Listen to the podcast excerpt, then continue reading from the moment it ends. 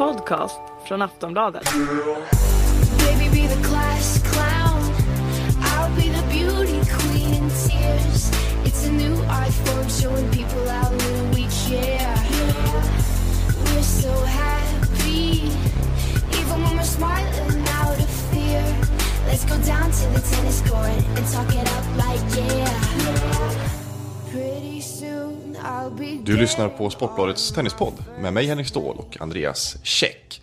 Som just i detta nu befinner sig i Båstad. Stämmer bra. Jag har varit här sedan i söndagskväll och följt svenska framfarten i Swedish Open hittills. Nu är det onsdag när vi spelar in den här podden och då är ju eh, Elias Ymer och eh, Christian Lindell fortfarande kvar i turneringen. Det kanske de inte är när våra lyssnare hör det här podcastavsnittet, men det är en annan sak. Vi får hoppas. Ja, Men eh, visst hann du se den magiska eh, Wimbledon-finalen i söndags mellan Djokovic och Federer? Jag hann se det mesta. Jag satt på ett tåg på väg till Båstad då och försökte streama via simor appen i telefonen. Men det är ju som vanligt när man sitter på tåg och, och kollar på, på diverse streams att den hackar ju ganska mycket och liksom stängs av och så, sändningen. Så jag blev ju ganska frustrerad, men jag hann se det mesta. Och um, de två avslutande sätten såg jag liksom helt utan och lagg och sånt. Ja, det, Så det låter bra. Vi ska ju nämligen såklart också prata om Wimbledon. Vi spelade ju in en, en eh, podd i halvtid för lite över en vecka sedan. Um, så nu måste vi ju summera liksom hur det har gått efter den podden, semifinalen och, och de två finalerna såklart.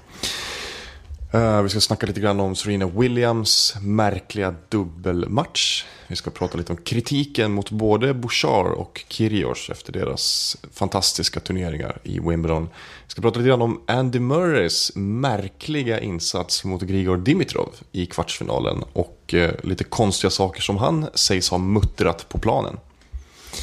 Uh, vi ska snacka lite, lite också om, eh, om juniorsingelfinalen på här sidan. Där det var en väldig skräll. Och så ska vi givetvis prata mer om Båstad och Swedish Open. Ja, men eh, vilken ände eh, börjar vi då? Eh, ja, vi kan väl börja med, med herrarnas eh, semifinaler. Eh, vi, vi kan ju ta den mellan eh, Rajonic och, och Federer. Som, eh, vi var inne lite grann på det i vår halvtidspodd där, eller jag var det åtminstone, att eh, Rajonic mot Federer i den matchupen kommer han vara, han kommer alltid vara nära liksom, men han kommer, ja, som det ser ut för tillfället så kommer han ju aldrig vinna en sån match för att eh, det kommer vara jämnt, men Federer är alltid lite bättre när det kommer till kritan. Det gjorde ju, nu var ju Raonic inte ens nära så. Han var inte ens så och högg. Nej. Eh, han gjorde en platt match alltså. Det måste man säga. ja. ja, i kombination med att Federer var väldigt bra, som han ju var rakt igenom hela turneringen, även i, i finalen sen. Eh, men eh, alldeles oavsett så är det ju en, en bra turnering av Raonic som når sin första semifinal i en, en Grand Slam. Så det är liksom allt Precis. pekar åt rätt håll och sen att torska i tre raka mot Federer i Wimbledon gräs i en semi, sin första någonsin i en Grand Slam. Det är liksom, det må vara hänt. Dessutom på ett underlag som, normalt, som han normalt har haft väldigt svårt för. Som eh, historiskt och statistiskt är hans sämsta underlag. Egentligen. Det är ju jättebra. Och också att han följer upp sin succé i Franska öppna där han gick till sin första kvartsfinal. Eh, så att, ja men det är ju, det är ju mycket bra betyg för Raonic. Um, sen hade vi ju Djokovic mot Dimitrov. Det var ju en li- lite konstig historia. Ja, det var ju det. Eh, Dimitrov hade ju sina chanser att, ta det där till, till fem set och var väl kanske förtjänt av att göra det också. Spelade otroligt bra i den matchen tycker jag. Eh, han gjorde ju liksom en, en kanonmatch mot eh, Murray.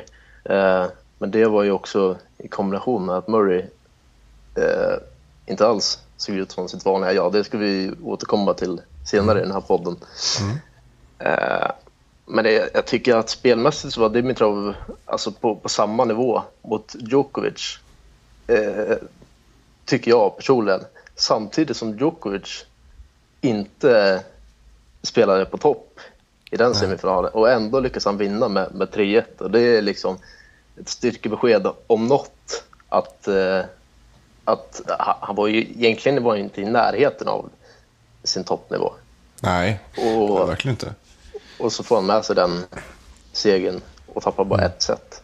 Ja, jag tycker också jag tycker det var mest imponerande av allt egentligen. Lite på samma sätt som i kvartsfinalen mot Marin Cilic. Där han ju också gjorde en, en ganska torftig insats. Eh, I alla fall i andra och tredje set. Han, då låg han alltså under med 2-1 i set. Men de tre seten som han vann, det gjorde han ju liksom i överlägsen stil. Det var så här, så fort han, så fort han bara slog bort alla de här, all, allt det här, all frustration, när han fick undan det så var han liksom överlägsen. Det var han ju aldrig mot Dimitrov. Jag tycker att eh, Dimitrov, det är jätteimponerande att han går till semifinal. Jag är, är inte särskilt imponerad över hans seger över Andy Murray, för det tycker jag att det var Andy Murray som förlorade den matchen. Murray var liksom, han var helt under isen. Eh, om, Murray, om Dimitrov hade spelat som han gjort, men Murray hade spelat på sin toppnivå, då hade Dimitrov inte vunnit. Han hade kanske vunnit på sin höjd ett set.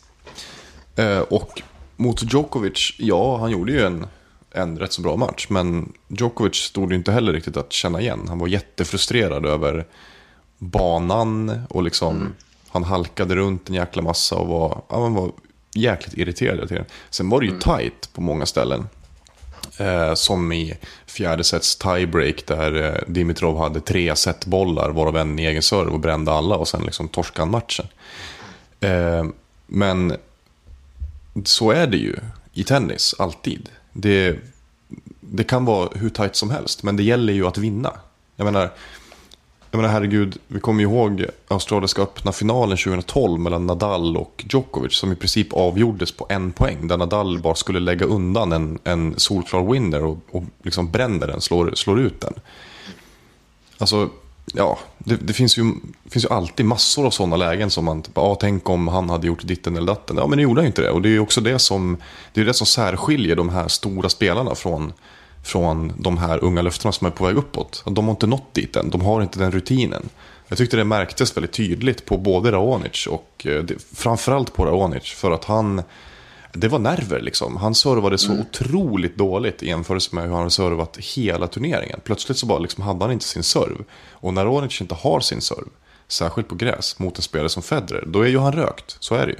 Eh, Så att han, han var ju väldigt valpig i den semifinalen. Men det tycker jag att Dimitrov var i sin också. Eftersom han, han bjöds faktiskt på en del chanser som han inte tog.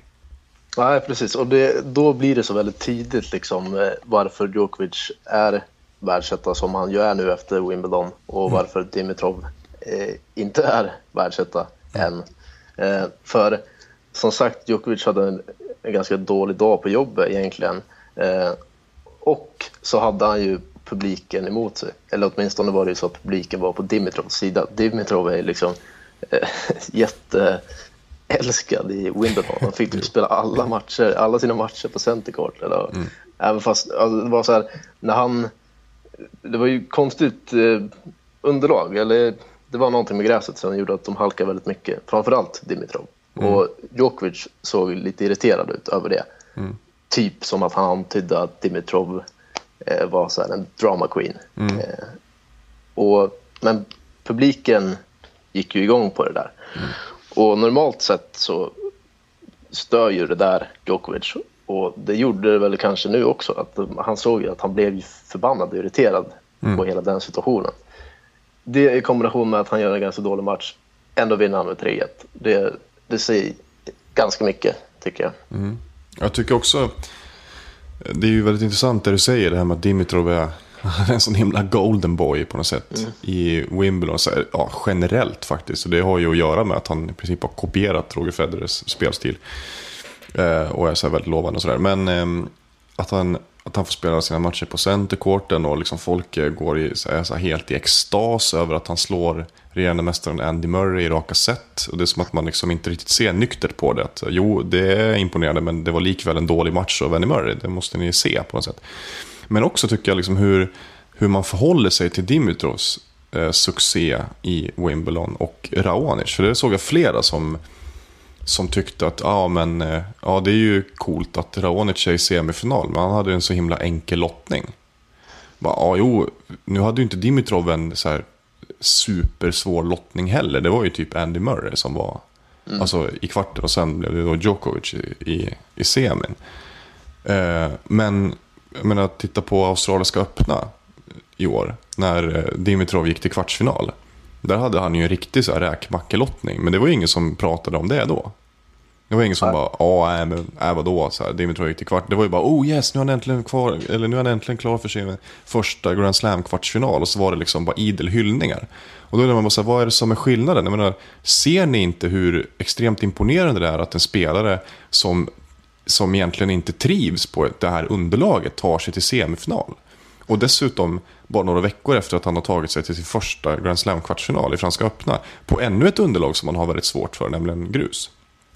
Och den omställningen mellan grus och gräs är ju svår för alla. Liksom, Precis. typ förutom Björn Borg. Eh, Så, Men, eh, men eh, ja, det, det är lite mysko i hela, hela grejen, Grigor Dimitrov i Storbritannien. BBC, BBC skrev i, en text, kallade honom för Bulgarian Beckham. Eh, helt hysteriskt. Ja, det är ju lite, och då, då undrar man ju lite grann om, om det hade varit Federer som Dimitrov slog i raka set och Federer hade gjort en sån platt match. Hur hade det låtit då? Hade Ja. det varit samma sak eller hade det varit mer så här, ah, nej men eh, vad synd att Federer gjorde en så dålig match liksom. Hade han ont i ryggen? Frågetecken. Mm, ja, men något sånt. Ja, jag vet inte. men De, är- de är svåra analyserade, de brittiska tennisfansen. Eh, inte bara gällande rapporteringen om, om Andy Murray utan även Federer och Nadal och ja, i stort sett alla ju. Mm.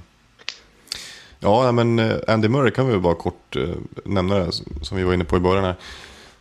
Eh, där var det ju, efter, dagen efter matchen så läste jag flera brittiska tidningar. Och då inte tabloider utan faktiskt liksom dagstidningar. Typ The Independent skrev om, om Murrays konstiga muttringar på banan. Att han hade gått och pratat för sig det gör han ju alltid, han pratar ju alltid för sig själv banan. Men han hade gått och sagt saker som um, Five minutes before the fucking match. Oh, give me a break, sådana grejer. Och då spekulerar de ju att så här, det är någonting som har hänt precis före matchstart. Och att det var därför Murray gjorde en så dålig match. Och det sa ju också Dimitrov efter matchen.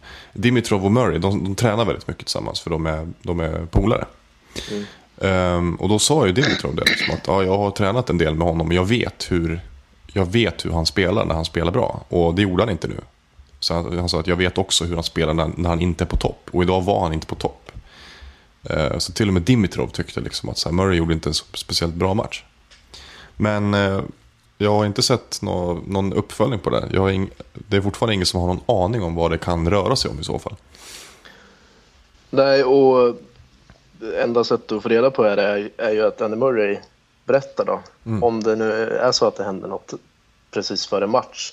Jag, jag håller ju med dig om att han gick ju inte att känna igen. Och jag satt liksom under matchens gång och tänkte att vad, vad är det där liksom? För jag och du tog ju ut Murray som vinnare i vårt tips, både inför och i den här halvtidspodden. För han såg ju jävligt bra ut. Och sen så var det liksom som natt och dag liksom, när han klev in i, i semin där.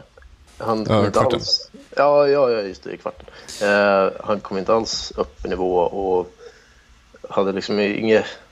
Det var, ju- det var ingenting som stämde. Den rörde sig dåligt, eh, tänkte dåligt. Fick liksom inte ens det här taktiska övertaget mot Nej, Dimitrov. precis. Och, han, och särskilt i tredje set, han bara duttade liksom. Det fanns ingen... Det kändes som att han hade ingen motivation överhuvudtaget. Det fanns ingen energi i hans lag överhuvud- alls. Liksom. Det var bara så här, okej, nu har han gett upp. Nej, Det- men, och, och, och då vet jag att jag tänkte det så här att okej, nu måste jag hålla koll på vad som sägs på presskonferensen och sånt. För den brittiska presskåren, speciellt tabloiderna, Andy Murray, alltså de måste ju ställa kritiska frågor nu. De måste ju reda ut och få honom att, att säga varför, varför det gick så dåligt. För någonting var det. Och sen läste jag bara de första citaten som kom som man såg spridas på Twitter där han sa typ att nej men jag hade en dålig dag och Dimitrov var bättre. Punkt slut. Typ. Då var det så här, jaha, okej. Ja, spännande. mm. semifinalen på damsidan eh, var ju ungefär lika odramatiska egentligen. Det får man ändå säga att Dimitrov Djokovic och Raonic Federer det var ganska odramatiska eh, semifinaler. Det var ju även semifinalen på damsidan. Där eh, mellan Bouchard och Simona Halep. Där Halep ju skadade sig ganska tidigt i matchen. Hon gjorde illa sig i, i en bollduell och sen hade hon liksom inte en chans i princip. Hon pressade väl fram till tiebreak men andra set var ju... Ja, det var inte mycket hon kunde göra där. Nej. Man hade hoppats på en, en, en, bättre match där. Ja, hon fick ju en, en chans att komma tillbaka i andra set eh, när mm. Bouchard höll på och chokade i slutet. var jättenervös när han skulle försöka stänga det där.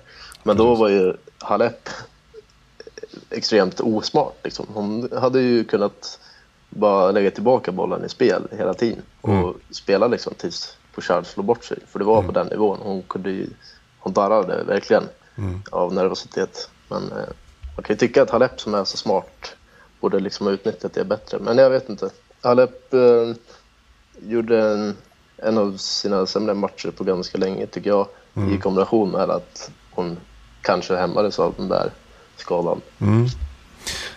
Ja, jag vet inte, nu kanske jag är partisk för att jag gillar henne och hade tippat henne i final. Mm. Men, men jag tyckte ändå att det, det alltså, nu gjorde hon ändå, första set gick ju rätt rätt bra. Liksom. Men jag tyckte man såg att hon inte kunde röra sig lika bra. Att hon var liksom trögare i fotarbetet, hon hann inte fram. Men hon har ju redan ett litet eh, underläge i det att hon inte är så speciellt lång. Så hon har inte världens längsta räckvidd. Liksom. Vilket ju många damspelare, eh, vilket är samma för många damspelare. Men, men nu var det liksom, det blir ju så himla tydligt när hon inte, när hon inte har kvickheten. När hon inte hinner fram till bollen sådär. Men, men annars håller jag med. Det var inte, det var inte en bra match och det, ja, det är så himla svårt att säga det. Det var ju liksom att hon var inte så skadad att hon inte kunde fortsätta spela. Så att, ja, jag vet inte. Men eh, sen hade vi ju Kvitova mot eh, Safarov också. Mm. Och det blev ju en icke-match det med, mer, mer eller mindre.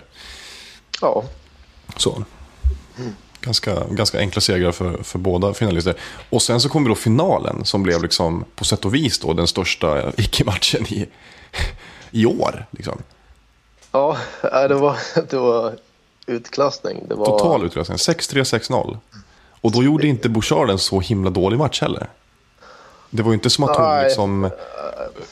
hon gjorde ju inte en, en Lisicki Wimbledon 2013-match liksom. Nej, precis. Det var definitivt ingen katastrof så från eh, Bouchard.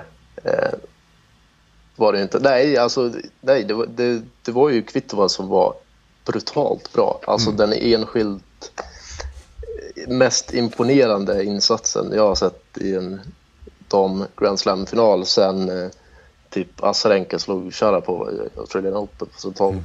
Eh, alltså hur överlägsen som helst, spel mot ett mål, allting.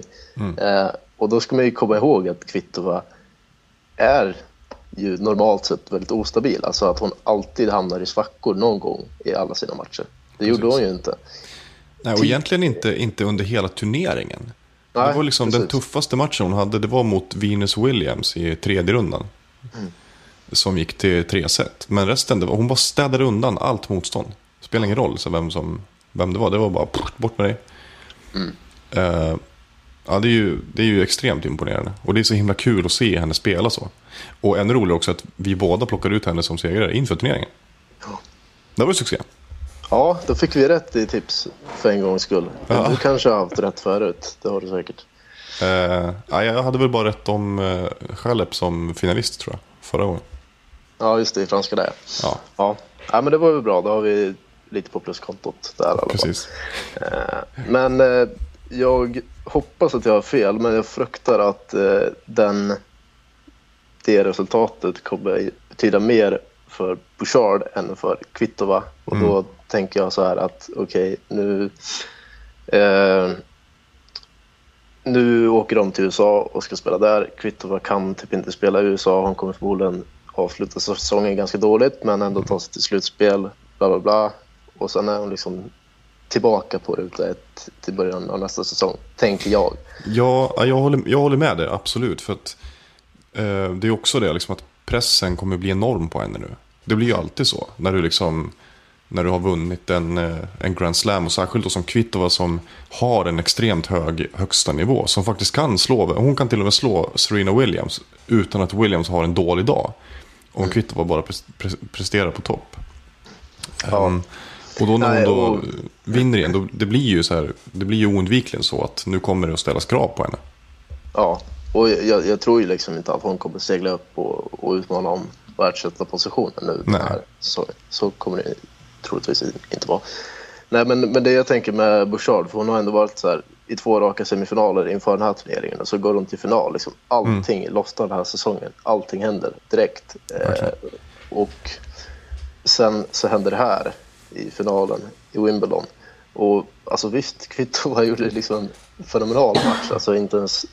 Alltså en Serena Williams i, i toppform hade haft svårt mot Kvitova i den mm. matchen. Så bra var hon liksom. Mm. Men ändå så är det någonstans liksom lite pinsamt för Bouchard. Så totalt utskåpad. Och det, det, måste ju tära på hennes självförtroende. Mm. Även om hon har haft liksom en succésäsong.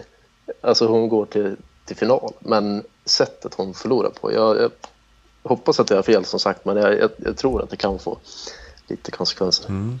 Ja, man hoppas ju att, att det bara ger tändvätska istället. Ungefär som eh, Raonic berättade ju det i en, det var en lång intervju där på, på ATP, eh, ATPs hemsida. Om Raonic och hur han har jobbat nu med Ivan Ljubicic. Sen de inledde sitt samarbete. Eh, men där sa ju han att han var besviken efter att han förlorade kvartsfinalen mot Djokovic i Franska öppna. Eh, och det är ju liksom helt rätt inställning. Att man är, man är besviken och man vill följa upp det. Liksom. Eh, men samtidigt också så berättade han ju om hur han, eh, när han hamnade liksom i den här svackan förra året och liksom inte riktigt fick, han fick inte med sig resultaten och så tappade lite självförtroende och han kände att han inte kom någon vart med sin dåvarande tränare och då bytte han då till Ljubicic och sen så tog det liksom ändå en, en liten stund innan det började hända saker. Mm. Eh, men då är frågan antingen liksom om Bouchard, det kanske blir tändvätska för henne, att hon är så besviken över att ha gjort en sån här match i, i en Grand Slam-final att hon genast vill studsa tillbaka liksom, och få upprättelse på något vis. Eller också att hon, att hon som du säger, liksom, tappar självförtroende och, så, och hamnar i en liten svacka. Liksom. Ja, alltså det, det är den magkänslan jag har. Men ska man gå efter hur hon är som person så är det väl snarare liksom att, att det borde bli som, som du säger, att hon, hon får den här revanschlustan och liksom knyter näven och vill visa att hon är bättre. Mm. Så. Eh, just med tanke på hennes så, proffsiga approach i media och liksom eh, sitt sätt att se på sig själv som tennisspelare. Bla, bla, bla. Men det, det förutsätter ju att man faktiskt tror på att hon är sådär mm. på riktigt. Mm. Eh. Jo, men jag tycker ändå så här, om man ska ha den, så här, det milda perspektivet på något sätt. Så, för nu, nu, hon framstår ju som väldigt hård och kall. Liksom, att det enda som spelar någon roll är att vinna. Liksom. Mm. Men, men jag tycker mig se ganska stora likheter mellan henne och Raonic. I det att de är beredda att liksom jobba stenhårt. Så de, och särskilt Raonic, han vet ju vad han har för svagheter och vad han behöver jobba på. Och han, han lägger ner liksom väldigt mycket kraft på att faktiskt utvecklas och bli bra. Eh, och nå det. Han har sagt att jag vill bli bäst i världen. Liksom. Så det här, är, det här är ett steg i, i den riktningen, sa han när han gick till semifinal i Wimbledon. Och på så vis så tror jag nog nästan att det är, eh, det är värre för dem, för, alltså för, för sådana spelare. Så är det, det är klart att det är en besvikelse att förlora mot Federer i raka set i Wimbledon semifinal. Eller för Bouchard att bli överkörd i sin första Grand Slam-final. Men det är likväl mot spelare som fortfarande står över dem. Jag tror att det är värre för dem att åka på så här torskar mot spelare som de tycker att de ska slå varje dag. Liksom. Det är då så här, självförtroendet tar, får sig en ordentlig törn. Eh, och där är man ju ändå så här, det kan man ju säga att nu är ju de här, alla de här yngre lite utsatta nu. Det är ju Bouchard också, för nu kommer ju liksom, nu kommer ju massa andra lägre rankade yngre spelare vilja liksom eh, slå henne. För att visa att ja, men jag kan också. Liksom. Alltså, nu blir ju de också en target istället för bara toppspelarna som alltid är en target. Ja. På något sätt. Ja, ehm, vi, har vi har inte pratat så mycket om, om den superepiska herrfinalen än. Det är Nej. tiden nu. Ja, nej som sagt. Eh, jag satt på ett tåg på väg ner till Båstad när jag såg den. Eh, men jag hann ju se det mesta och eh, det är väl bara att säga att man imponeras av båda två eh, egentligen. Men att till slutändan kändes värdet tycker jag att eh, Djokovic vann. Även om det hade, det hade varit skitcoolt liksom om, om eh, Federer hade fullbordat den vändningen. Speciellt om man hade gjort det utan att eh, Djokovic hade haft det här när, när han typ skadade sig lite början av femte setet. Eh, det hade varit liksom en, en eh, som ett filmskript. Ja, verkligen. Men just att han ändå var så nära. Det snackades om att det var Federers sista chans och så, men eh, jag hade ju liksom räknat bort honom redan förra säsongen och även liksom precis inför Wimbledon. Fastän att Federer hade gjort en bra säsong dittills samtidigt som liksom Nadal och Djokovic har gjort det bra, men inte så här eh, super, super bra. Och Murray gjorde bra ifrån sig i franska, men har haft liksom svårigheter tidigare under säsongen. Alltså, förutsättningarna inför Wimbledon 2014 var ju bra för Federer. Liksom. Jo, Trots, visst. det, trots det så känner jag att nej, det, det kommer inte gå. Och sen så liksom motbevisade han ju mina, min expertis. Då. Ja, ja. En, Eh, en gång till. Han gör ju ja. det med oss eh, några gånger per år, känns det som. Ja, och alltså i femte set, det var ju liksom en, en coin flip. Eh, I bo- hela liksom halva, halva det där femte setet så var ju Djokovic eh, snudd på överlägsen. Och det var ju... Eh, ja, han hade, ju- hade han fått med sig ett break där, då, då tror jag att han hade Du, men, du menar att Federer var överlägsen? Precis. Ja, I, ja, exakt. Ja. Eh, jo, nej men eh, jag var ju... Jag gjorde någon slags superfeg helgardering. För att jag tippade ju Federer i final före eh, turneringen. Men det gjorde jag ju enbart baserat på lottningen. ja, Och det var ju för att jag tyckte att han, att han fick en, en, en liksom drömlotten som var Nadal. För att Nadal kommer försvinna. Liksom. Och då fanns det inte så många jättestora hot tyckte jag kvar. Men samtidigt så garderade jag mig ganska rejält och bara så här, jag vet inte om jag tror på honom.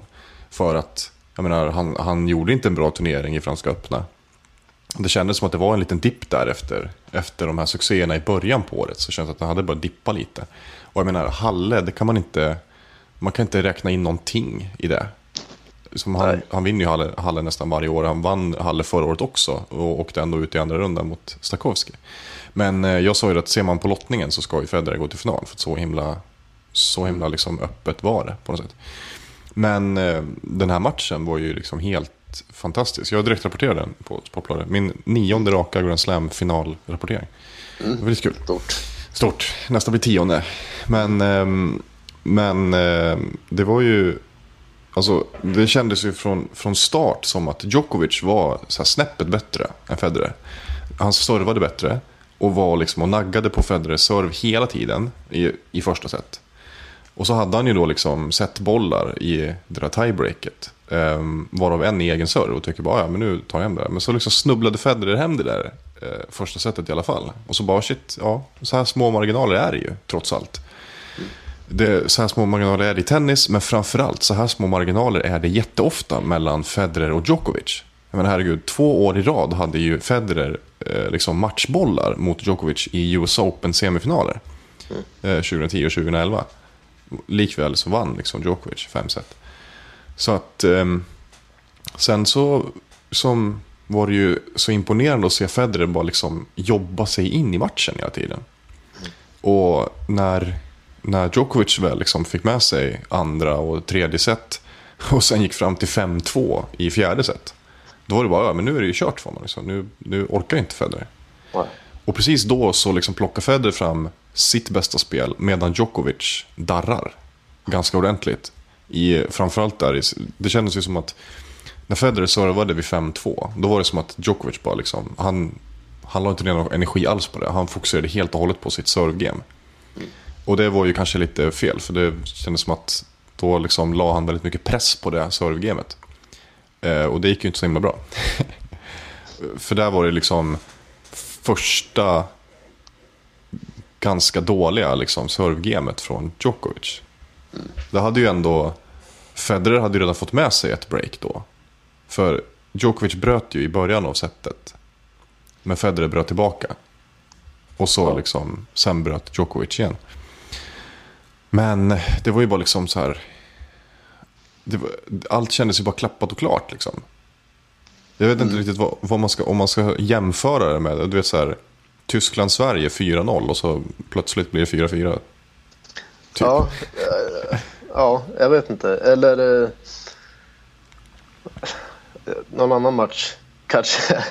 Just för att det svängde fram och tillbaka många, många gånger. Alltså i femte set där, eh, som jag sa, Djokovic snudd på överlägsen i början av setet. Får inte med sig det där breaket. Eh, Djokovic skaffar Ja. sig... Just det, nu sa du Djokovic igen, men du menar Federer?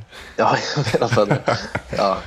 Eh, Ehm, och ja, sen, precis. får, sen får Djokovic de här breakbollarna, tre Mm. stycken tror jag, i, i Federers servegame där i mitten av femte set. Mm. Och, och bränner allihopa. Ja.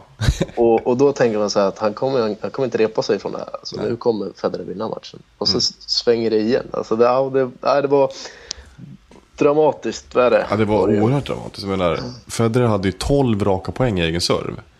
Fram tills det där, det där gamet där Djokovic då bränner de här tre breakbollarna. Och alltså den här, liksom, den här mentala tortyren som han bara genomgår i den här matchen. Stackars Djokovic som då liksom, han leder med 5-2, han servar för matchen vid 5-3.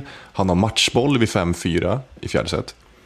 Eh, tappar liksom fem raka game. Plötsligt så står det 2-2 i set. Federer har liksom, hans liksom servekurva har bara pekat, pekat liksom rakt uppåt egentligen. Sen liksom första andra set. Han liksom bara servar ju bättre och bättre och bättre genom, liksom, genom hela matchen. Och så kommer det här femte setet och liksom Federer är helt överlägsen i egen serve. Djokovic har lite problem. Eh, och han hade också breakball mot sig där eh, i mitten på femte. Hade Federer fått med sig det här breaket, då hade det varit kört för Djokovic. Han hade ju liksom inte pallat det mentalt. Liksom. Det hade, det hade ju liksom blivit för mycket. Men så, så här, ja, han höll sig kvar. Och till slut så gick han hela vägen in i mål. Och där får man väl säga att det sista gamet från Federer, sista servegamet där, vid 5-4, så var det ju istället han som visade lite, kanske nerver, men framförallt också kändes det lite som att han hade lite gummiarm. Liksom. Han blev rätt så trött. Och framförallt var det på backhand-sidan som han inte kunde hålla emot. Liksom, och drog, vad var det, tre eh, oprovocerade misstag där. Eh, bara vett på matchbollen som han, som han smällde i nät. Men eh, alltså, jag tycker att det här var en av de klart bästa matcherna i år. Tveklöst. Ja, jo, det håller jag med dig om. Alltså, kvalitetsmässigt så var det definitivt en av de bästa i år. Och sen har jag sett på lite olika håll att vissa vill hävda att det var en av de bästa matcherna liksom, de senaste åren. Där är jag väl inte riktigt benägen att hålla med. Alltså, kvalitetsmässigt så var den bra, den var riktigt bra, men inte fantastisk, inte spektakulär. Men det är just dramatiken, det, det, den, den s- står sig extremt högt. Absolut. Ja, jag tycker väl, om man ser till, jag tycker att det är den, den bästa Grand Slam-finalen sen US Open 2012. US Open 2012 mellan Murray och Djokovic, den var inte heller alltid jättebra kvalitetsmässigt, eller så här rent spelmässigt. Men den hade ju väldigt, väldigt mycket. Den hade väldigt mycket dramatik. Det var liksom, Murray tog ledningen med 2-0 i set. Djokovic kämpade sig fatt till 2-2. Det blev ett avgörande set. Liksom. Det var så här, Murray kunde vinna sin första Grand Slam och allting. Väldigt mycket dramatik. Och sånt spelar ju också in tycker jag. Men eh, det var väl högre kvalitet generellt tycker jag på den här matchen. Och i så fall så, ja då får man ju backa tillbaka till, till eh, finalen i Australiska öppna 2012. Som, ju var så här, som jag också tyckte höll hög kvalitet, men på ett annat sätt. Den var ju mycket mer, liksom, det var ju mer så gnet, klassisk gnetmatch mellan Nadal och, och Djokovic. Eh, jag tror inte så här, de lite mer gammeldags tennisentusiasterna tycker väl kanske inte att den matchen var så jättefrän att titta på. Eh, för Nej. det var inte fantastiskt många winners liksom. så här. Men eh, det beror lite på vad man, vad man själv har för preferenser. Ja, Men visst. eh, jag tycker ändå liksom, jag menar, båda servade ju liksom fenomenalt bra. Djokovic i början av matchen servade ju helt liksom fantastiskt. Federer servade skitbra mot slutet av matchen. Det var som du säger, det var väldigt mycket vändningar, det var mycket dramatik. Ja, men jag tycker det var, det var väldigt så här, det var väldigt bra spel. Och också, jag blev lite förvånad över att eh, det var ju väldigt många korta dueller. Så extremt många liksom serve winners. Det var ju väldigt många S också. En, ja, en bit över 30. Närmare, ja, var det 40 S kanske totalt. Något sånt där. Hyfsat mycket ändå. Men mycket liksom oreturnerade servar och, och jag menar i fjärde set tror jag det var. Så var det bara 12 dueller som hade, som hade nått liksom 10 slag eller mer. Så att det var lite intressant. Och liksom pratar man spelmässigt och taktik och sånt så var jag väldigt förvånad över att Federer spelade, han styrde jättemycket av spelet mot eh, Djokovic backhand. Tänkte du på det? Eh, nej, det gjorde jag faktiskt inte. Du brukar vara lite bättre att, att tänka på sådana speltaktiska saker under matcher. Jag sitter bara och myser. Ja, nej, men eh, det var väldigt, jag tyckte att han gjorde det redan från start. Så var liksom, mönstret var att han jobbade mot Djokovic backhand. Vilket inledningsvis överraskade Djokovic ganska mycket. Han fick honom på fel fot rätt ofta. För att han, Djokovic var på väg mot liksom, eh, forehand-hörnet. För att han trodde att, eh, att Federer skulle lägga en, en forehand-cross där. Men liksom, då drog eh, Federer istället en, en eh, rak mot backhand. Var, och liksom hade inga problem med att, att låsa sig fast eh, i liksom backhand crosscourt-dueller. Vilket ju typ är självmord vanligtvis mot Djokovic. Men eh, dels så utnyttjade han ju sin slice ganska bra, Federer. Och det där är ju liksom, det är ju en ganska bra taktik eh, på gräs. Att slicea mycket mot Djokovic eh, backhand. För Djokovic har problem med den där korta studsen. Och han kan också ha problem med att liksom själv sätta fart på bollen. Han gillar ju när det är lite, lite högre tempo. Så han kan liksom utnyttja motståndarens eh, fart. Liksom. Mm. Men sen också för att först tänkte jag bara, men vad, vad håller han på med? Så här, varför jobbar han så mycket mot Djokovic backhand? Men då tänkte jag på det, så fan, det är ju lite så här klassisk anfall är bästa försvar-taktiken. Liksom, att eh, backhand är Djokovic främsta styrka, då är det den jag ska rikta in mig på. Jag ska liksom nöta mot den och ge honom ganska lite andrum där. För att Djokovic vill ju ändå slå sin backhand, det är ju när han själv får det läget så att säga. Men om Federer går till attack hela tiden så att Djokovic måste försvara sig i backhandläge. Det var ju ganska bra liksom. Och det öppnade upp en del, en del sådana här...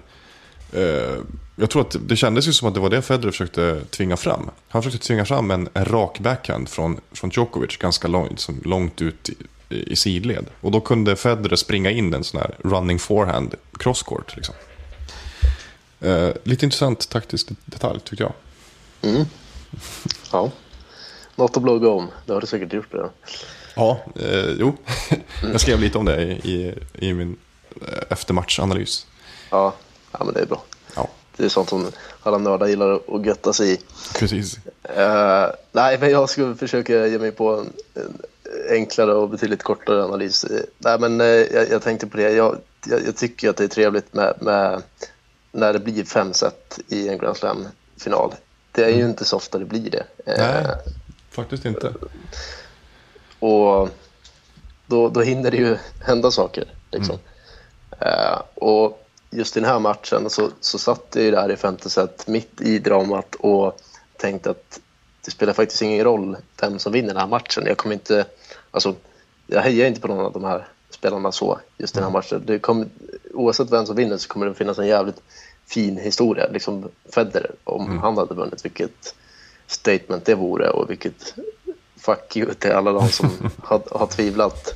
Och för Djokovic så är det mer det här att om han hade förlorat, eh, framförallt efter att ha haft 5-2-ledning i fjärde set, om han hade förlorat den här Grand Slam-finalen, det hade ju varit ett mega fiasko med tanke på hur många Grand Slam-finaler han har förlorat i rad också.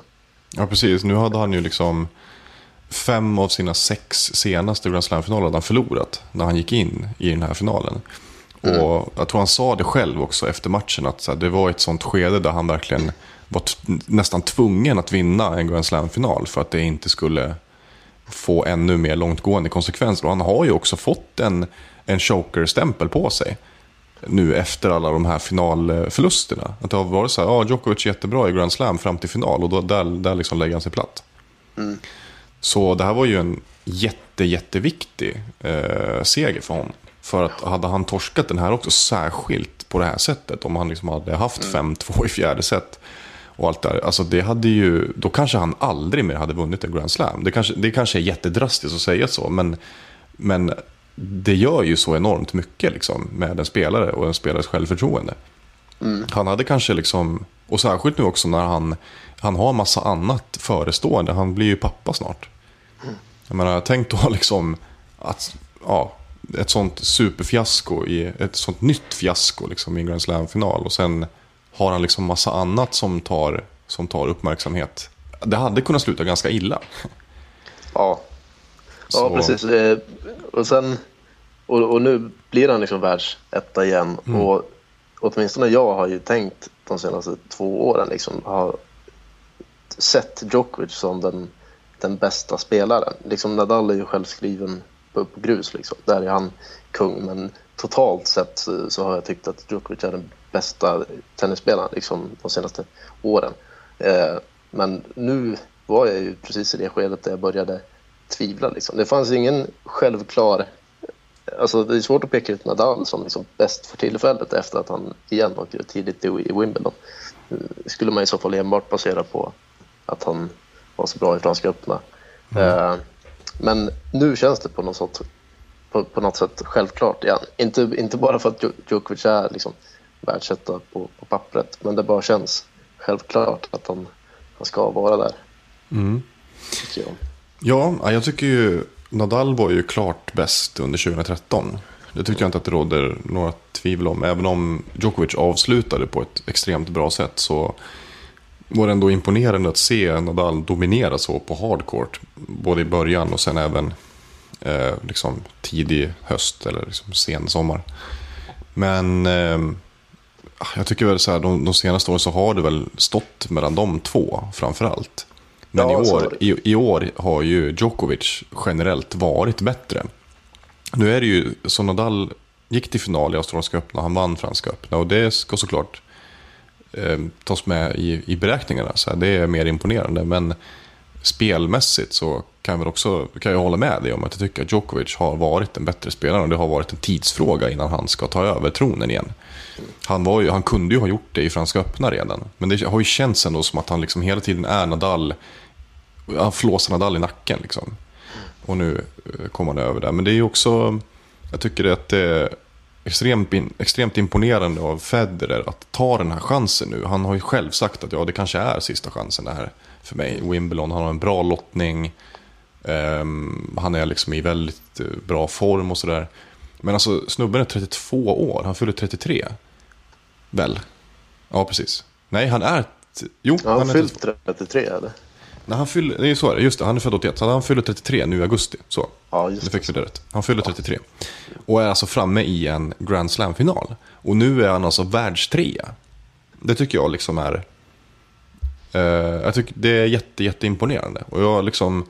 Både du och jag har ju dömt ut honom. Vi har ju sagt att han kommer inte vinna en till Grand Slam. Och jag tycker inte att... Alltså jag kan stå för att jag fortfarande tror det. Jag tror inte att Federer kommer att nå hela vägen igen. Om inte liksom något exceptionellt händer. Som att liksom alla toppspelare åker ut jättetidigt i US Open. Liksom. Och, och han får möta Fabio Fognini i finalen. Men, liksom, men det är likväl en sånt, sånt statement. Att liksom gå till den här finalen och tysta alla kritiker och visa att så här, han är fortfarande att räkna med. Jag tycker ju, det har jag tyckt, eh, eller det har jag liksom argumenterat för eh, tidigare, att jag tyckte att han skulle ha lagt av efter Wimbledon 2012. Och när han inte gjorde det så tyckte jag att han skulle ha lagt av efter World of Finals 2012. Och det kan jag fortfarande argumentera för, men jag hade svårt att förstå personerna förra året som skrek om att han borde lägga av mitt under sin katastrofsäsong. Det hade ju varit, det hade varit liksom superfiasko. Snacka om att man hade förstört sitt rykte då. Så att jag är ju liksom ändå glad över att han inte gjorde det. Även om Ja, alltså så här i efterhand. Sen, alltså, där och då så kändes det ju inte som, som omöjligt att han skulle bli ännu sämre. Liksom. Det fanns ju, den, den risken fanns ju, att det skulle barka ännu mer utför och att han liksom skulle typ, ja inte så här åka ner till Challenger-nivå, men alltså du, du, fattar, det, det hade ju, den risken fanns ju.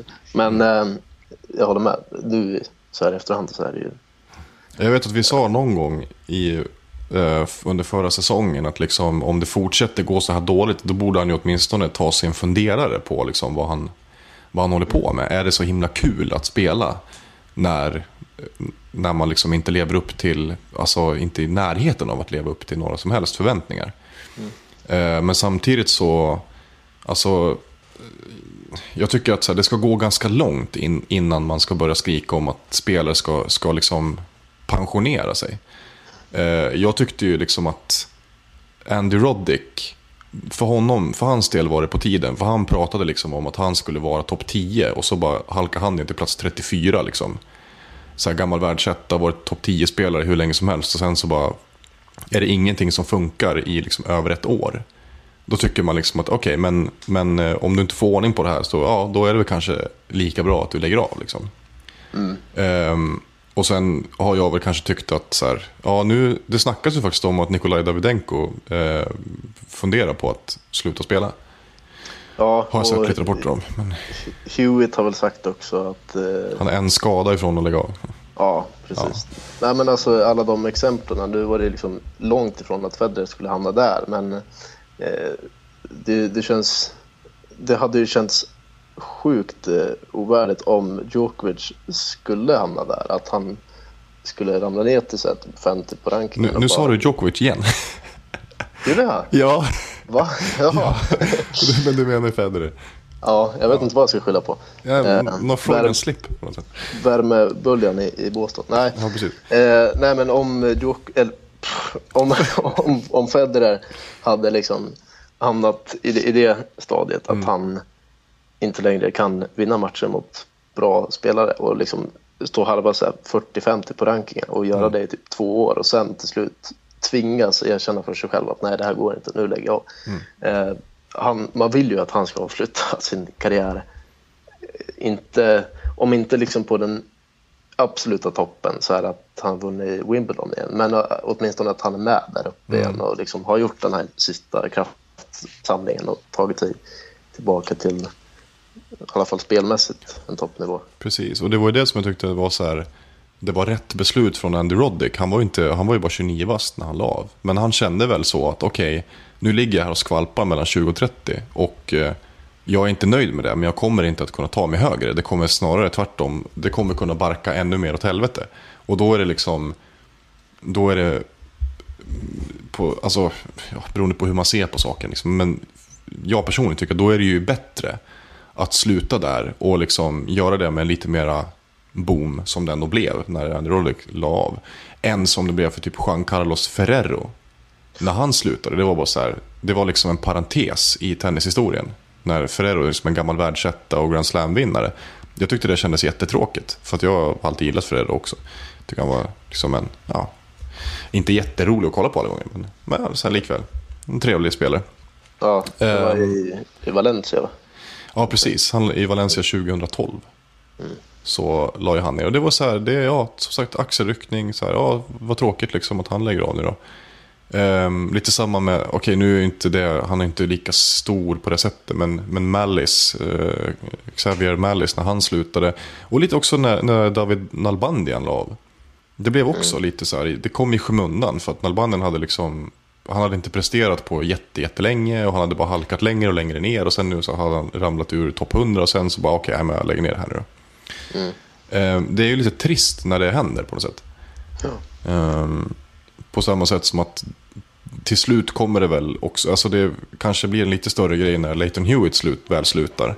Men, men ja, likväl kommer han ju liksom, man kommer ju komma ihåg honom som ja, han den där som harvade på liksom i fyra, fem, sex år. Utan att egentligen komma så mycket längre, liksom, du vet så. Ehm, och det, så vill man ju inte riktigt att de här spelarna som Federer, Nadal, Djokovic, Murray, man, man vill inte att de ska hamna där. Nej, nej verkligen inte. Man vill att de ska, man vill att de ska kunna, så här, det är väl så, summa summarum, man vill att de, ska, att de ska sluta när de själva känner att så här, ja, okej, jag kommer inte, jag kommer inte liksom att kunna bibehålla det här. Jag vill sluta nu. Jag vill inte sluta för att jag känner att, nej men okej, nu går allt bara åt helvete, så det är ingen idé. Nej, exakt. Exakt. Ja. Ska vi eh, prata lite kort om, vi var ju inne lite grann på eh, Bouchards attityd. Eh, som har, har kritiserats en del. Vi har också på här sidan hade vi en annan eh, succéspelare, nämligen Nick Kyrgios, 19-åringen. Som slog ut Rafael Nadal i åttondelen och sen förlorade mot Milos Raonic i kvarten. Båda de två har ju fått en del kritik eh, under Wimbledon. Och där är det framförallt Bouchard, där har det snackats om hennes eh, vän, vänskap med Laura Robson. Som hon avslutade ganska abrupt. Förra året var det väl? Eller om det var tidigare år. Ja, jag kommer, kommer inte ihåg exakt vad det var, men det var, en, eh, det var efter en match i alla fall.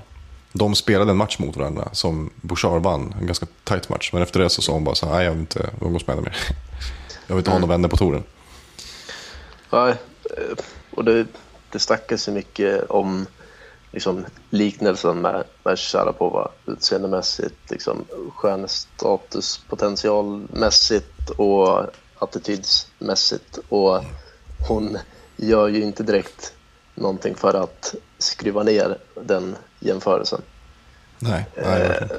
Alltså hon, pratar ju, jag för mig i alla fall att hon pratar om att, så här, att hon vill inte liknas med Sharapova. Och sen gör hon ändå allting för att, för att det, ska bli så. Då. Jag vet inte. Och sen har jag lite, jag vet inte exakt vad jag sa, men någonting att tror man verkligen på, på den här fasaden.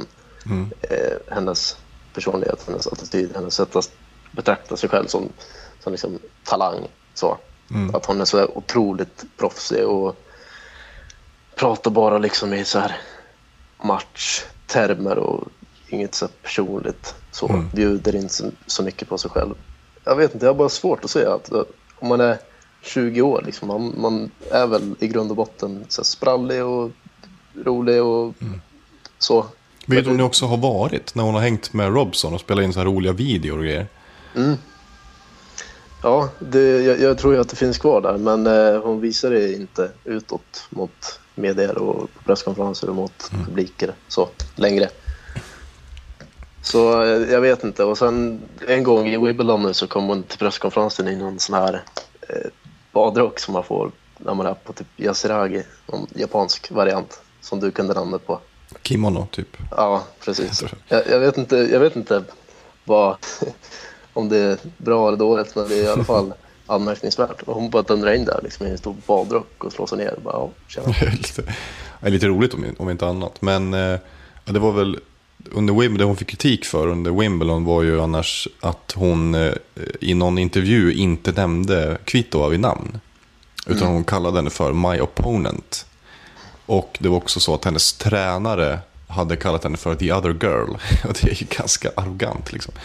Sen hade ju Bouchard hade ju liksom sagt eh, Petra i andra eh, intervjuer och andra sammanhang så där. Men det var väl ändå lite så här att folk höjde på ögonbrynen lite grann och tyckte att okej, det har gått kanske lite överstyr med det här eh, superproffsiga, vill liksom vill inte vara komp- ha några kompisar på touren. Eh, jag vet att det var lite så här, Sharapov hade väl sagt något, något liknande. Typ att jag har inte vänner på touren, det, det är ett krig liksom. De är mina, de är mina motståndare så här. Touren är ett krig. Um, och ja, så jag vet inte. Jag, vet, jag har sett att några så här tennisskribenter har väl oroat sig över att det ska bli ensamt på touren för, för Bouchard liksom, med alla resor. Men ja, vad ska man säga om det liksom? Herregud. Hon får göra som hon vill, men då tycker jag det är mer intressant det du är inne på, liksom, att så här, är hon verkligen så här, eller är det någon slags mediastrategi hon kör med? Är det någonting som ingår liksom i, i någon slags, jag vet inte, upplägg för henne, så här, från hennes team eller någonting? Vet. Ja, alltså, jag, jag vet inte, men du var inne på det att eh, Rajonic har ju lite grann samma stil. Så. Han, han bjuder inte på, på så mycket. Han är väldigt så här, rakt på sak och berättar liksom vad han tyckte om matchen och sen that's that. Men eh, ha- jag, jag, jag tycker att han, han eh, är lättare att tycka om. Jag, just nu i alla fall så, så upplever jag Gina Bouchard som lite typ arrogant och så. Och lite oärlig. Men jag vet inte, det kanske kommer förändras. Ja, och alltså det, anledningen till att vi egentligen pratar om det här, det är egentligen bara för att det går ju liksom att dra paralleller till, till andra spelare som, som också är stora talanger, men där det liksom har, eh, där det eh, inte har, har sett så himla bra ut på det liksom mentala planet. Till exempel Bernard Tomic, eh, som ju var 19 år när han gick till sin första kvartsfinal i Wimbledon 2011. Och sen har han, och det, nu är ju inte han, man kan ju inte jämföra honom alls med Raonic och Bouchard, de är som, som diametralt olika personer. Men eh, den här arrogansen likväl, som, man, som jag också kan tycka liksom, att man känner hos Bouchard, antingen om det nu är en arrogans hos Bouchard eller typ att hon är lite obekväm med mediahantering eller sånt. Eh, men där har vi också då en annan spelare vi ska komma in på, det var ju Nick Kyrgios, eh, alltså australiensaren, 19 år gammal. Han har ju också blivit kritiserad från olika håll för att vara ganska liksom arrogant. Å ena sidan så beskrivs han ju som en, som en så här oerhört tävlingsinriktad person. Eh, och jag var, eh, jag var i kontakt med en person som hade träffat eh, några som var involverade i Australiska Tennisförbundet. Som hade sagt att han var liksom helt övertygad om att han skulle slå Nadal i den där åttondelsfinalen. Det var inte så här, jag tror att jag kan, utan det var så här, jag kommer att slå honom. Liksom. Eh, och sånt alltså, har vi tydligen väckt lite ont blod hos vissa. Och sen snackades det också om det här med att han hade eh, avslutat samarbetet med sin coach. Eh, och det kom fram under Wimbledon. Tydligen så hade det beslutet tagits redan tidigare i år, så här, inför Franska öppna eller något liknande. Så eh, men det är likväl så liksom att, att ehm, eh, eh, man ska säga, förutom liksom deras stora framgångar i Wimbledon 2014 så har också strålkastarljuset riktats lite mot deras personligheter. Och då liksom har det beskrivits ganska negativt. Jag vet inte vad man ska Mm. Ja, dra för växlar på det, men Eh, Jag vet inte heller, det är lite svårt. Är också, alltså framförallt det här med coachbyte för att det har man ingen insyn alls i Nej. vad det beror på. Det kan ju vara så enkelt som att han känner att han behöver liksom bara skifta miljö för att typ bli ännu bättre. Eh, Eller så kan det vara att de har typ bråkat. Det, det vet man inte. Det, är- därför är det väldigt svårt att uttala sig om just det. Sen tycker jag liksom eh, gällande Kyrgios att där, där gillar jag att han vågar ta för sig och sticka ut hakan och vara lite kaxig så. Och sen om man går och slår Nadal så har man ju gjort sig förtjänt av att vara lite kaxig. Mm. Eh, så det, det, är väldigt, det är tre väldigt skilda exempel om man pratar om eh, Kyrgios, Bouchard och Tomic i samma, eh, i samma fack. Så. Mm. För, för Tomic, där är liksom en kille som åkt fast för fortkörning och liksom han är mer jetsättare, absolut. Så. Ja, och hela den grejen med liksom, hans farsa liksom, Mm. tränaren och allt sånt. Hans Mm. attityd mot tennis och pengar och festande och allt sånt. Där, där går det ju liksom att argumentera för att han är en idiot. Det tycker jag inte att, det tycker jag inte att Gini Bouchard är. Nej. Det är bara att jag, jag, tycker att han verkar lite märklig. Mm. Jag vet inte. En annan märklig incident under Wimbledon 2014 det var ju den här dubbelmatchen med Serena Williams och Venus Williams. Där Serena Williams plötsligt inte ens kunde studsa en boll ordentligt. Och framförallt kunde hon ju inte serva för fem öre. Nej, nej, det var bland det, bland det konstigaste man har sett på tennisbana på väldigt länge. Och att det fick fortgå under så pass lång tid ändå. Det var liksom ett helt servegame som hon bara... Mm. Hon kunde inte slå in en enda boll. Nej, som... det var... Helt nej, otroligt. det, var- ja, ja, och jag, vet- jag vet inte. Ehm, det, det snackas lite grann om att uh, Venus ska ha varit typ lite arg på henne eller Mhm. något.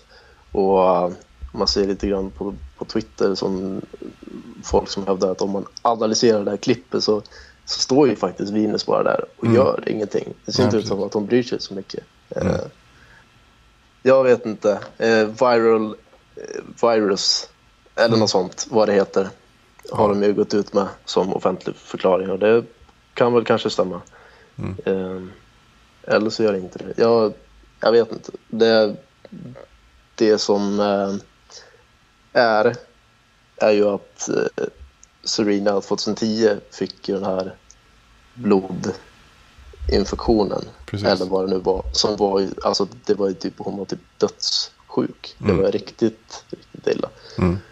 Man blir lite orolig för att eh, det är något sånt. Men det, det verkar väl inte vara. Sen det som gör mig extra orolig, inte så här för att hon ska komma och spela Båstad liksom.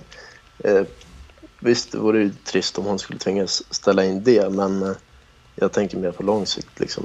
Eh, om det är något som, som kommer sätta stopp för hennes karriär eller så. Men, men just att eh, det är ingen som uttalar sig. Serena twittrade här för typ tre dagar sedan och skrev att det går framåt men sakta punkt för punkt. Och liksom, hennes coach Patrick har i stort sett inte uttalat sig. Hennes agent Jill eller vad hon heter har ju inte heller sagt så mycket. Så det är liksom locket på och det gör att man börjar fundera på vad det är som egentligen har hänt. Ja, verkligen. Och- Och vad hon är liksom. Ligger hon i, i karantän kvar i, i London eller vad, vad håller hon hus? Ja, det är ju ja, det är mycket märklig incident. Och det är ju också eh, en del personer som gått ut och liksom ifrågasatt det här att det skulle vara någon slags virus. Jag vet inte om det kan ha varit Navratilova eller någon som tyckte att ja, man såg att det var något fel på henne men det var absolut inte virus. Det lät jättekonstigt tyckte hon. Men då undrar man ju, okej men vad är det? För den här blodinfektionen som du nämner, den kom sig ju av att hon trampade på krossat glas och så var det massa efter att hon hade vunnit Wimbledon då 2010. Eh, ja, massa sånt liksom. Men eh, ja, det enda man kan säga är att det här, ser, det här var ju en så otroligt märklig episod. Allting, inte bara det att eh, hon liksom inte ens kunde studsa en boll. Utan som du säger, Venus såg inte ut att bry sig överhuvudtaget. Hon bara stod där och tittade knappt ens på henne. Och sen så, så när hon såg att bollen var flög så här 17 meter utanför linjen. Så bara gick hon och du vet, så här, ja, klappade av mig lite grann så bara tillbaka och så nu kör vi liksom. Eh, mycket märklig episod, men vi får hålla, hålla ögonen öppna där och se. För att det är också, det är också så liksom att Williams har ju inte gjort en speciellt bra säsong heller i år. Eh, tidiga uttåg i samtliga Grand Slams och ja, jag vet inte, det kanske, det kanske är någonting lite allvarligare. Det här kanske bara var, det bara liksom råkade gestalta sig så här illa i just den här matchen. Men ja, det, Pers personliga problem har jag läst någonstans också. Eh, ska inte, ni ska inte läsa in för mycket i det för jag minns inte ens källan. Förmodligen är det väl liksom Twitter och sånt. Man, man läser mycket och hör mycket så man ska passa sig för, det, för att sen- säga för mycket också. Alltså, Men, eh, jag vet inte. Personliga problem. Jag vet inte, kan man inte studsa en boll för att man liksom hoppar... Ja, nej.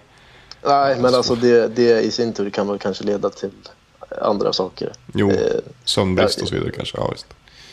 Ja, Mm. jag, jag, vet inte. Nej, men eh, hur som helst, tanken att hon ska komma ner hit till Båstad på, på lördag. Eh, Mm. I nuläget så pekar väl det mesta på att hon kommer göra det. Det har eh, hennes agent sagt till ESPN och eh, Nina Wennerström som är tournament director för, för tjejernas turneringar pratade med Patrick, Serenas tränare, Mm. dagen efter det här. Och han sa att hon var motiverad för att komma hit och så. Eh, Men sen dess har vi inte hört något. Och Mm. när jag pratade med Nina så hade ju inte hon pratat något mer med dem sen dess. Eh, Och alltså det vore ju onödigt för Serena att komma hit och riska saker för att spela Ja. på Båstad. Liksom. Verkligen. Ja. Eh, vi ska prata lite, lite mer om Båstad. Jag tänkte bara sy ihop hela Wimbledon med att eh, nämna lite grann om eh, eh, vad heter det? juniorfinalen på här sidan. Det var så två amerikaner. Det är kul för USA att äntligen få så här, lite, eh, lite framgångar. Det har ju gått eh, väldigt dåligt på just här sidan för amerikaner eh, de senaste åren. Egentligen liksom, ja, den senaste amerikanska herrspelaren att vinna Wimbledon var ju Andrew Roddick i US Open 2003. Liksom, 11 år sedan. Men eh, nu var det alltså supertalangen Stefan Kozlov som mötte en kvalspelare, Noah Rubin. Var som helt, ingen, knappt någon som visste vem han var typ. Eh, Kozlov är ju bara 16 år gammal. Om han har fyllt 16. Han kanske är 15. Ja, vi säger 16 år gammal. Eh, Rubin två år äldre, men likväl så är ju Kozlov är ju liksom det stora framtidslöftet i USA. Så det där var ju en väldigt... Eh, ja, det var ju en skräll liksom. Dels att Noah Rubin gick hela vägen till final, men också att han, att han slog Kozlov i, i tre set. Eh, kanske kan dra någon parallell till vår svenska Daniel Berta. Som vann Franska öppna 2009. Eh, ganska oväntat. Sen eh, hände det inte så jättemycket mer efter det. Nej, nej precis. Nej, den parallellen kan man ju dra. Eller så kan man ju bara göra den övergången att eh, det blåser varma tennisvindar i USA och det gör det ju även i Sverige Precis. just nu. Berätta. Ja, eh, Elias Ymer och eh, Christian Lidell har eh, båda vunnit varsin match på ATP-touren, sina Mm. första. Mm. Eh, och det är första gången sedan 2011 som två svenska spelare vinner i, i samma ATP-huvudturnering. Mm. Eh, sen också, alltså, Vindal gjorde det bra i kvalet, var nära att, att slå eh, Albert Ramos Mm. det ska man liksom ta med sig ändå från Båstad. Mm. Även fast han inte vann matchen så liksom, såg det, såg det väldigt bra ut. Sen Lindell slog eh, Cervantes Haugun, hur Mm. man nu uttalar hans namn. Han är liksom rankad på samma nivå som Lindell i stort sett. Och gjorde en ganska slät struken insats. Så där kan, ska man kanske inte läsa in jättemycket, även om det såklart betyder mycket personen Mm. för Lindell att ha vunnit en match på, på ATP-nivå. Mm. Eh, men det är framförallt Elias Ymer som det snackas mycket om Mm. här i Båstad. Och, eh, han, Som slog Michail Kukushkin, som ju tog set mot Nadal i Wimbledon.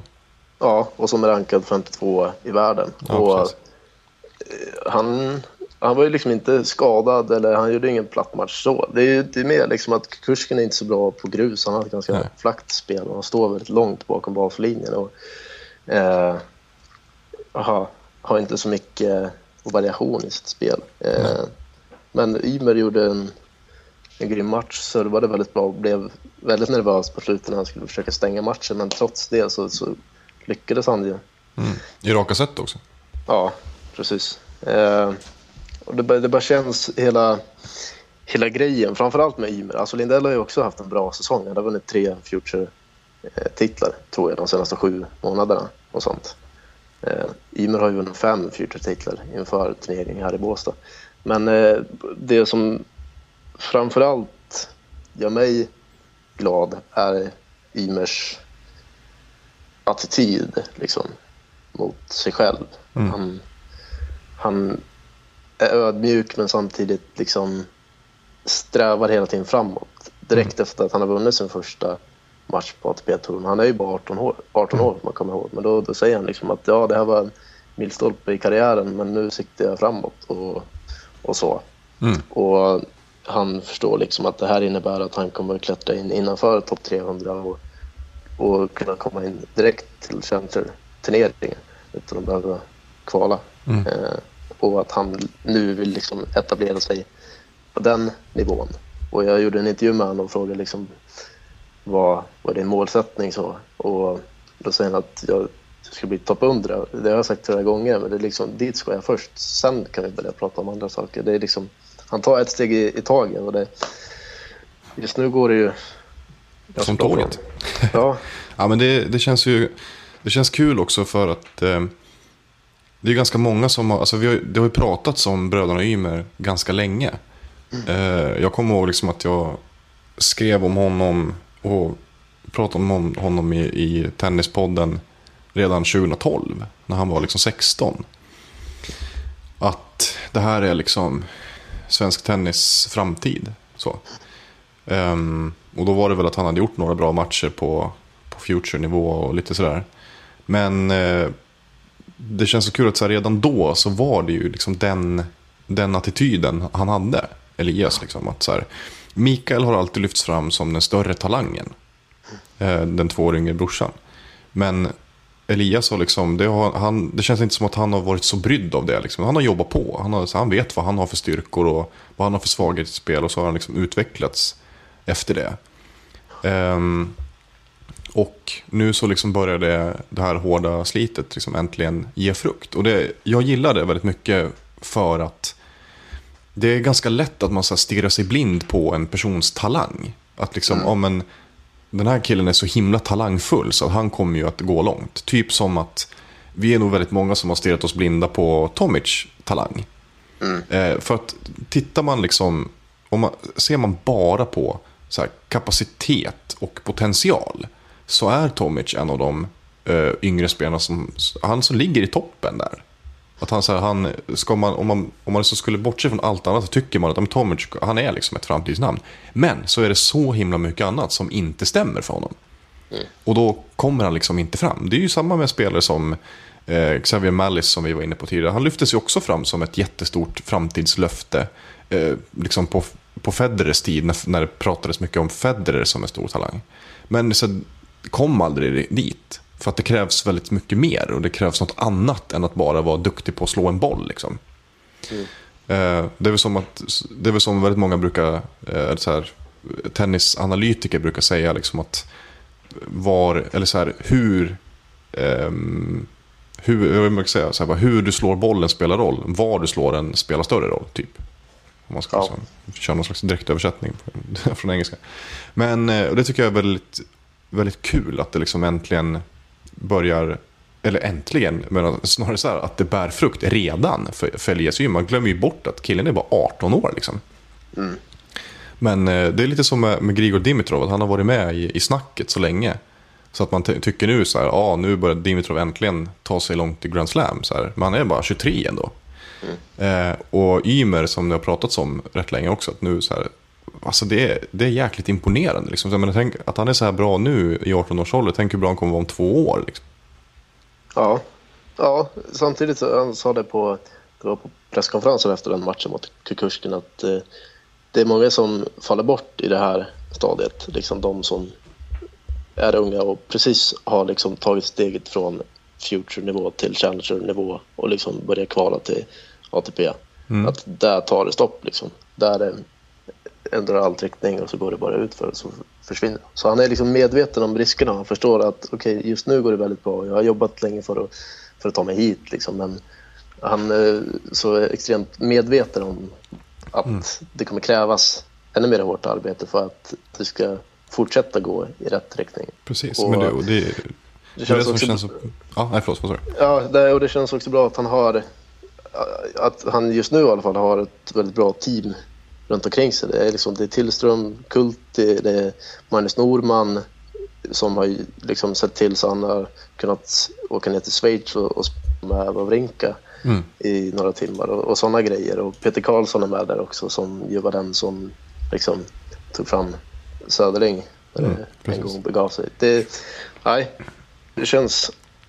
Det är bra känslor kring det Simon just nu. Mm. Ja, det är Verkligen. Um, men um, du har ju varit nere i Båstad sen i söndags. Just nu så sitter mm. du på hotellet. Um, ja. Men kan du inte berätta lite grann hur, hur, det är, hur det är att vara där? Uh, ja, väldigt varmt för det första. uh, mycket folk. Ja, alltså det är väl ungefär som, som förväntat. Men uh, med tanke på att det inte finns så mycket intressant utöver de här svenska spelarna. Alltså mm. Ferrer i all ära, Janovic visst, men eh, nej, det är ju liksom för turneringens skull, det sportsliga, så är det liksom grymt kul att vi fick de här två segrarna i första rundan. Mm. Eh, sen spelar ju de redan idag, onsdag, alltså dagen efter. Mm. Eh, möter Joao Sosa, Lindell möter Paulo Cuevas.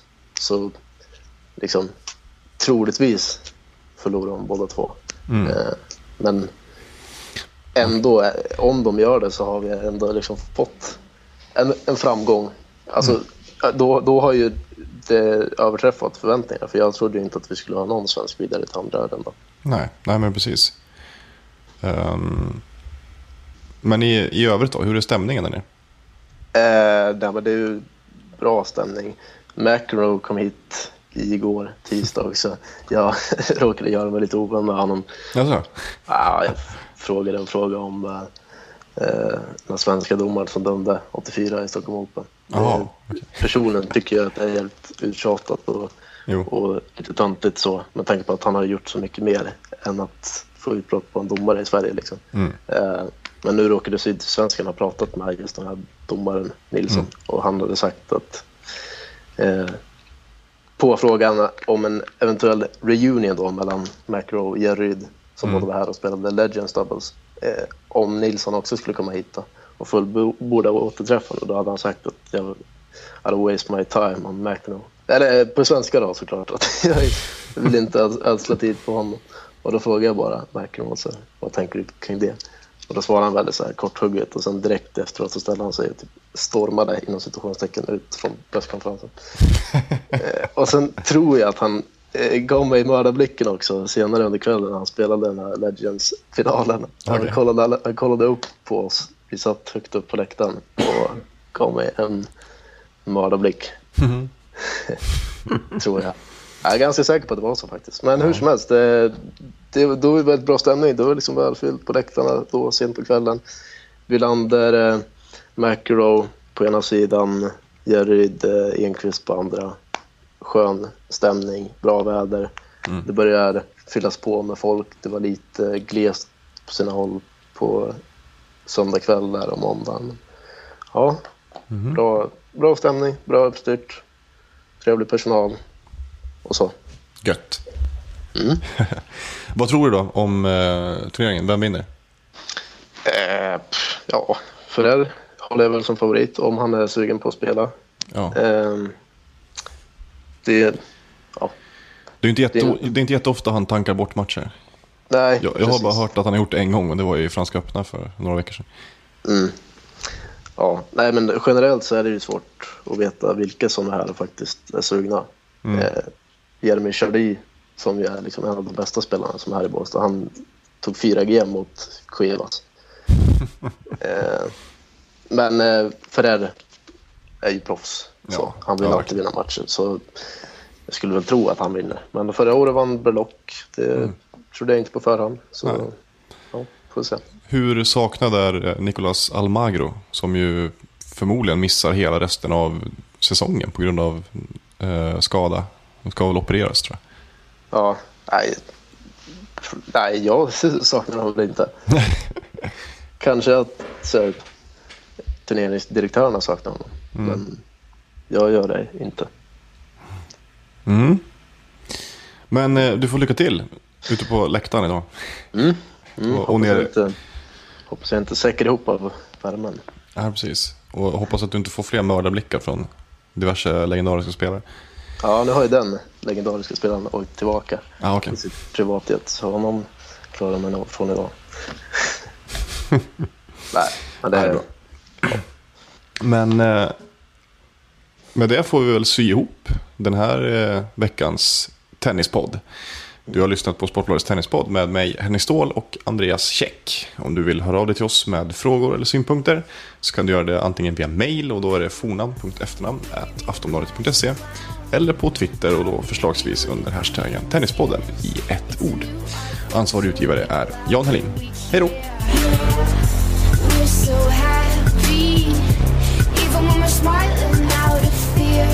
Let's go down to the tennis court and talk it up like yeah. Pretty soon I'll be getting on my first plane.